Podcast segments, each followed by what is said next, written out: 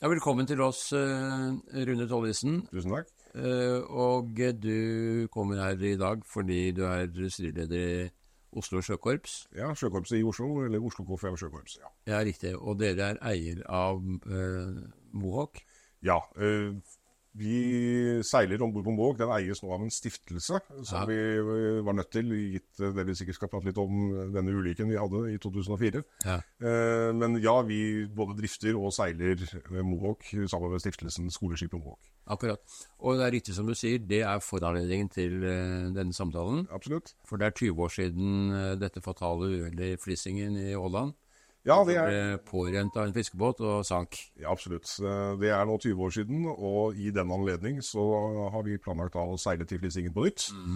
Forhåpentligvis med litt bedre utfall denne gangen, men da for å være med på en trebåtfestival der nede, og for å takke uh, de som hjalp oss enormt når vi var der nede forrige gang, og som vi pleier å si, badet uh, i Den engelske kanalen. Ja, nettopp. For du var med den gangen også. Det så du kan jo hele hendelsesforløpet. Du kan jo dra oss litt kort gjennom det. Kort gjennom så skulle vi egentlig til uh, Shoreham by Sea i England uh, i anledning av at båten var 100 år gammel. Så vi hadde en avtale der to dager etter at vi sank. Så vi måtte ta noen litt triste telefoner uh, senere samme kveld. Eh, men vi var da på vei bare egentlig inn for kvelden. Klokka var ca. ett på natta. Det var litt mørkt. Eh, Vi seilte nedover mot Flissingen by, og på vei ut kommer det fire fiskebåter. Eh, De tre første de går akten av oss med helt grei klaring. Den fjerde den tørner plutselig babord og følger etter oss mer eller mindre, og treffer oss da midtskips. Mm. Båten hadde jo da bulb, så den knekker jo absolutt alle plankene på hele skutesida, inklusive alle under vann. Ja. Eh, Jeg liksom tenker jo først at vi må ned og finne en presenning. Idet jeg ser ned, så ser jeg at det her går så fort at det får vi ikke til. Og vi hadde jo 13 barn om bord, og seks ledere, så da var det, og de lå jo egentlig til kryss. Ja. Og da var det bare å få alle opp så fort som mulig. Vi fikk flåtene øh, over rypa, og de fleste de kunne i stedet for å gå ned i flåtene, de bare spaserte rett ut i flåtene, fordi båten var allerede kommet såpass langt ned at Ja. Øh, Så var det bare å hive seg på VHF og hive seg på ting. Det som var hell i uhell, det var det at SAR der nede hadde allerede sett det skje, øh, så de var på vei omtrent før båten traff. Ja. Så det var liksom folk i, i, i vannet eh, veldig nære oss. Så vi hadde da to flåter som ble plukket opp av to forskjellige båter. Så det var litt turmuler eh, der. Det å da finne hverandre er vi alle, har vi fått med alle osv. osv. Vi lærte da bl.a. en veldig viktig regel. Det er det å telle seg selv først. Ja, For det ble da ropt mellom flåtene. Hvor mange er dere? Vi er ti. Hvor mange er dere? Vi er åtte. ja akkurat. Da mangler vi igjen. Ikke sant? Så da gikk det jo kaldt. Det gjør det fortsatt. Så kommer, ble vi jo da hentet av hver, hver vår båt. Så det første jeg gjør da er å løpe på bro, og liksom jeg må prate med de.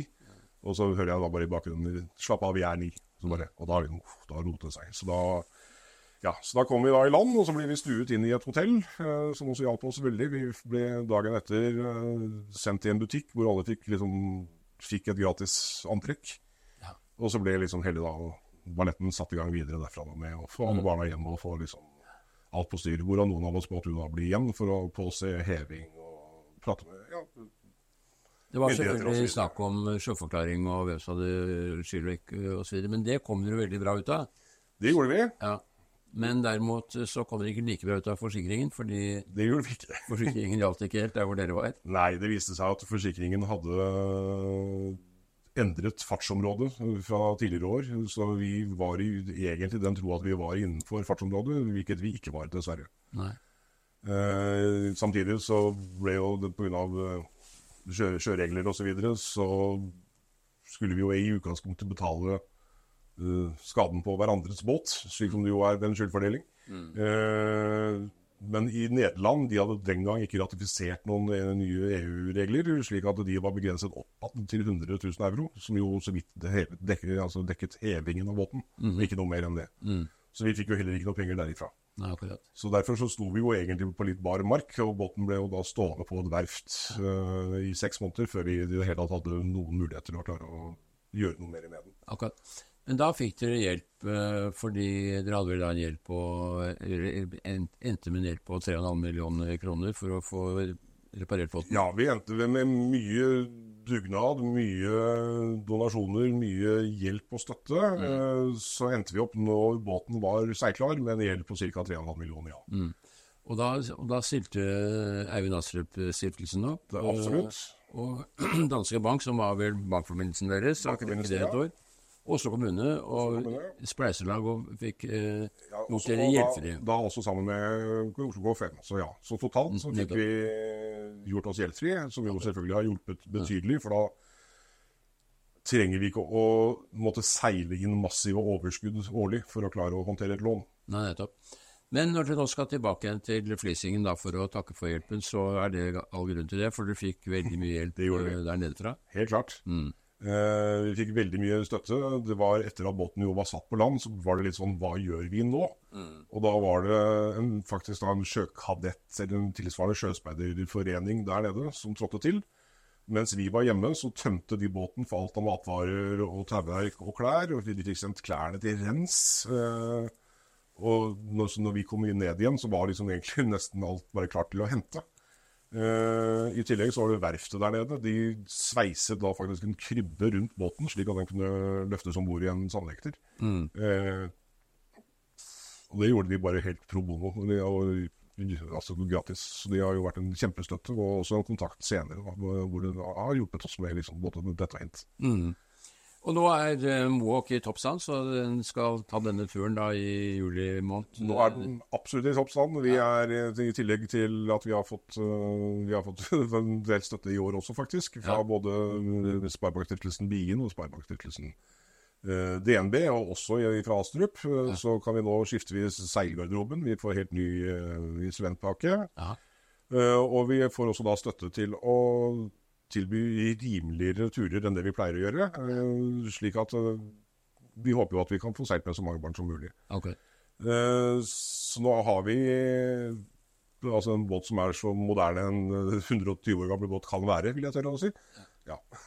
Altså, Sjøkorpset i Oslo er en del av KFM, eh, så vidt jeg har forstått. Vi er en del av Oslo KFM, ja, men vi holder jo da til eh, i egne lokaler på brygga i, eh, altså på Akershus-kaia. Eh, Båten ligger jo på Rådhuspir 1, en fantastisk plass. Eh, Vi holder jo til der sammen med Oslo Maritime Kulturvernsenter, altså de andre eldre båtene, denne minesveiperen og de to Mm. dampskipene. Mm. Og så har vi da lokaler der nede. Så vi har tirsdagsmøter for barn fra da 12 til 16 år, Mm. som lærer da altså, sjøliv og Mm. sjøspeiding, for så vidt. Er det vanskelig å rekruttere ungdom til dette? Ja, ja, til en viss grad så er det det. Vi kaller oss jo litt sånn uh, galgenhumoristisk for en av Oslos best bevarte hemmeligheter. Ja. Fordi det, det som er både fordelen, men også noe ulempen vår, er at vi sogner ikke til et lokalmiljø. Så vi favner jo egentlig hele Oslo. Mm.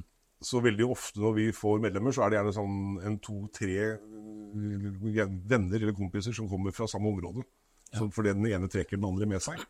Og det er jo alltid veldig hyggelig. Men samtidig så er vi har jo ikke en forankring, da, sånn som å si et idrettslag eller et musikkorps ville hatt. Så vi er litt vanskeligere å markedsføre oss uh, utad.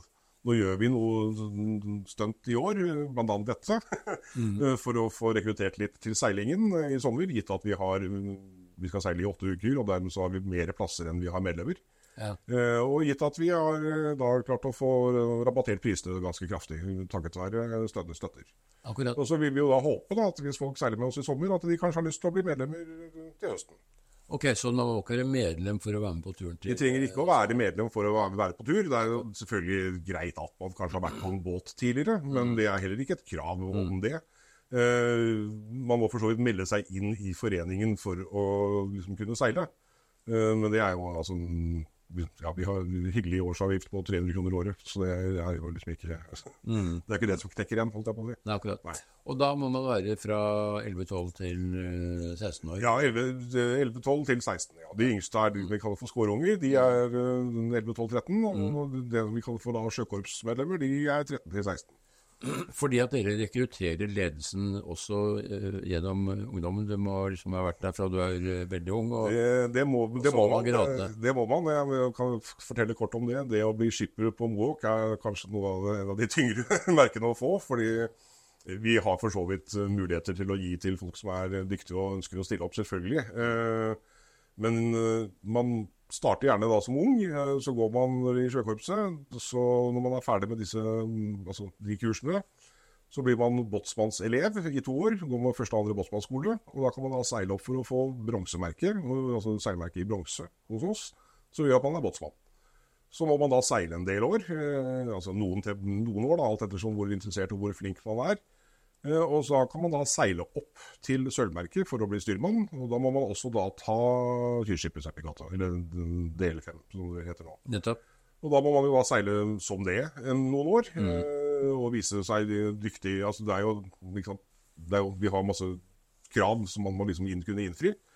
Eh, og da kan man da eventuelt innstilles som skipper, og det, da får man da gullmerke, eller seilmerke i gull, av med det da skipperrådet, vårt egne skipperråd, som deler ut. Mm. Fordi det er en ganske stor eh, og ansvarsfull ting å seile en så, så stor og gammel båt med masse barn om bord. Så det er, dette her gjøres som sagt internt. Men uh, alt er ubetalt?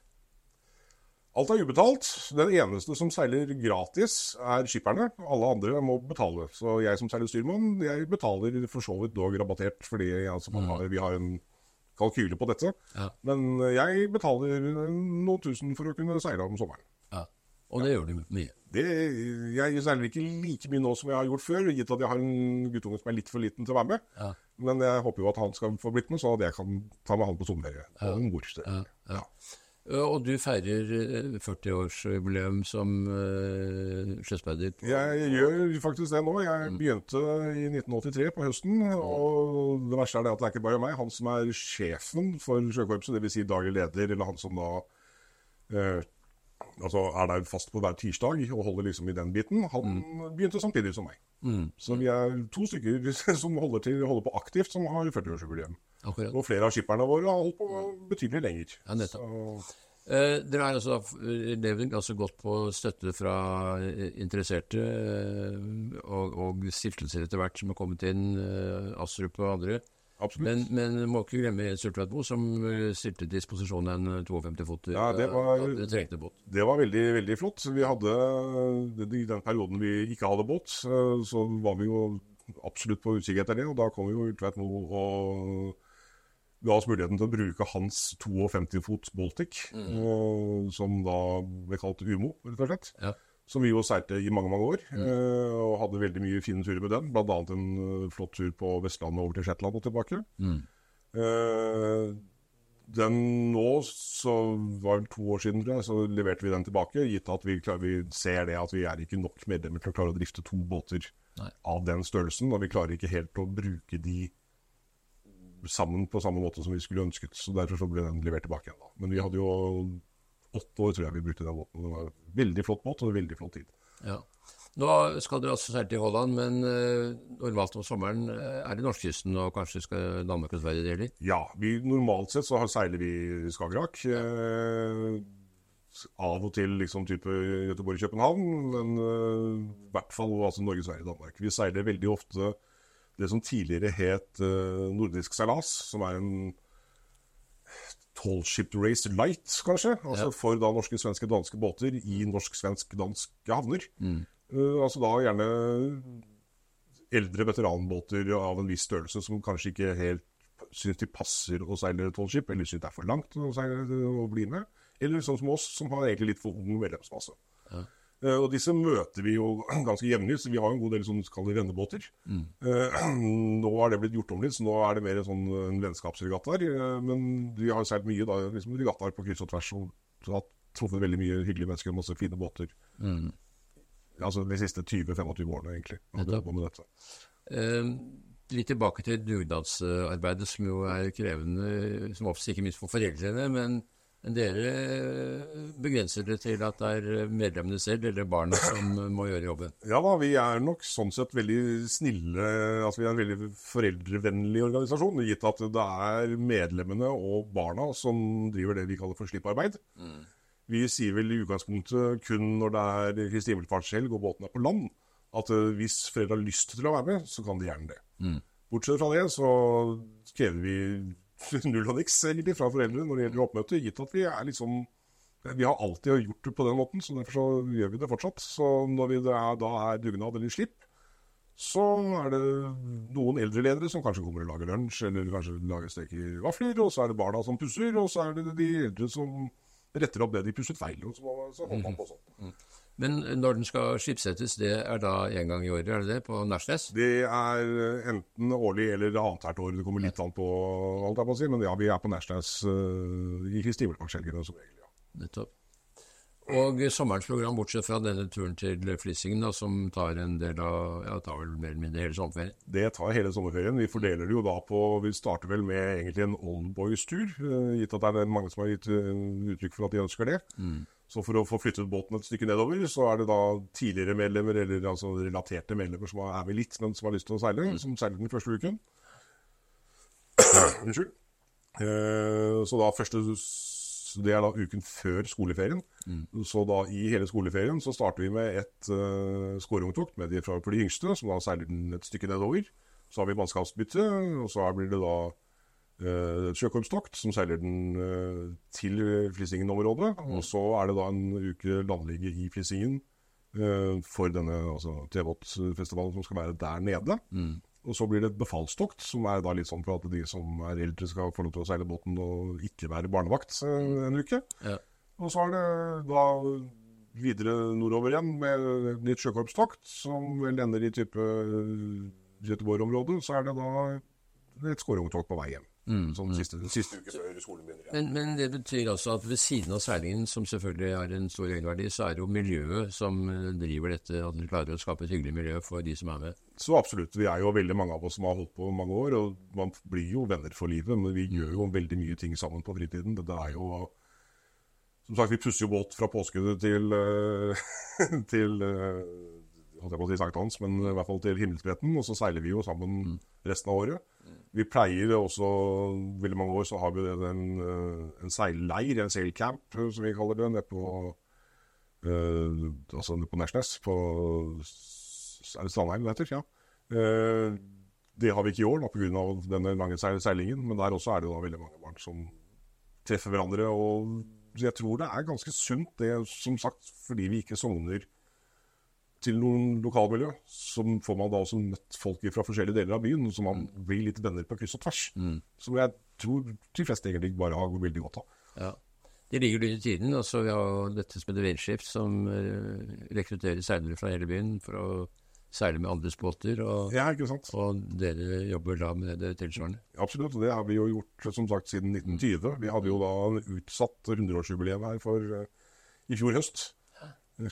Eh, Så med stor, stor ståhei og veldig mye gamle medlemmer som kommer kom for å sette pris på oss. Er det gjerne slik at eh, det er barn av medlemmer som eh, er de nye skårungene? Ja, vi er nok det. Vi er jo sånn, litt sånn, jeg pleier å si, Oslos, en av Oslos best bevarte hemmeligheter. eh, Så det er en, god del barn av eh, tidligere medlemmer som forhåpentligvis ikke blir tvunget inn, men som blir meldt inn med lyst. Akkurat, ja. Jeg personlig ble jo medlem fordi det var altså, vennepar av mine foreldre. Hvis barn hadde vært med, begge to. Og da fikk jeg beskjed om at der skal du være med. Så, siden det så har jeg vært der i mer eller mindre 40 år. Og det samme gjelder din sønn. Jeg håper jo det. Vi får se. da. Han er Foreløpig så er han ikke så glad i sjøen, mener han selv, men det, det, det, kommer nok. Akkurat. Vi får håpe at eh, dette intervjuet og samtalen at det vil eh, bidra til at dere ikke er så vel bevart hemmelighet lenger, og at Det eh, håper jeg veldig. får øynene opp for den verdifulle institusjonen dere er. Det, ja, det, jeg setter veldig pris på å kunne komme og fortelle om oss. For det er jo, jeg synes jo absolutt at vi, vi driver med noe som er verdt å være med på. Uh, absolutt. Så ja. Mm. Rune Tollesen, takk for at du kom i ruskeværet, og takk for samtalen. Tusen takk for meg.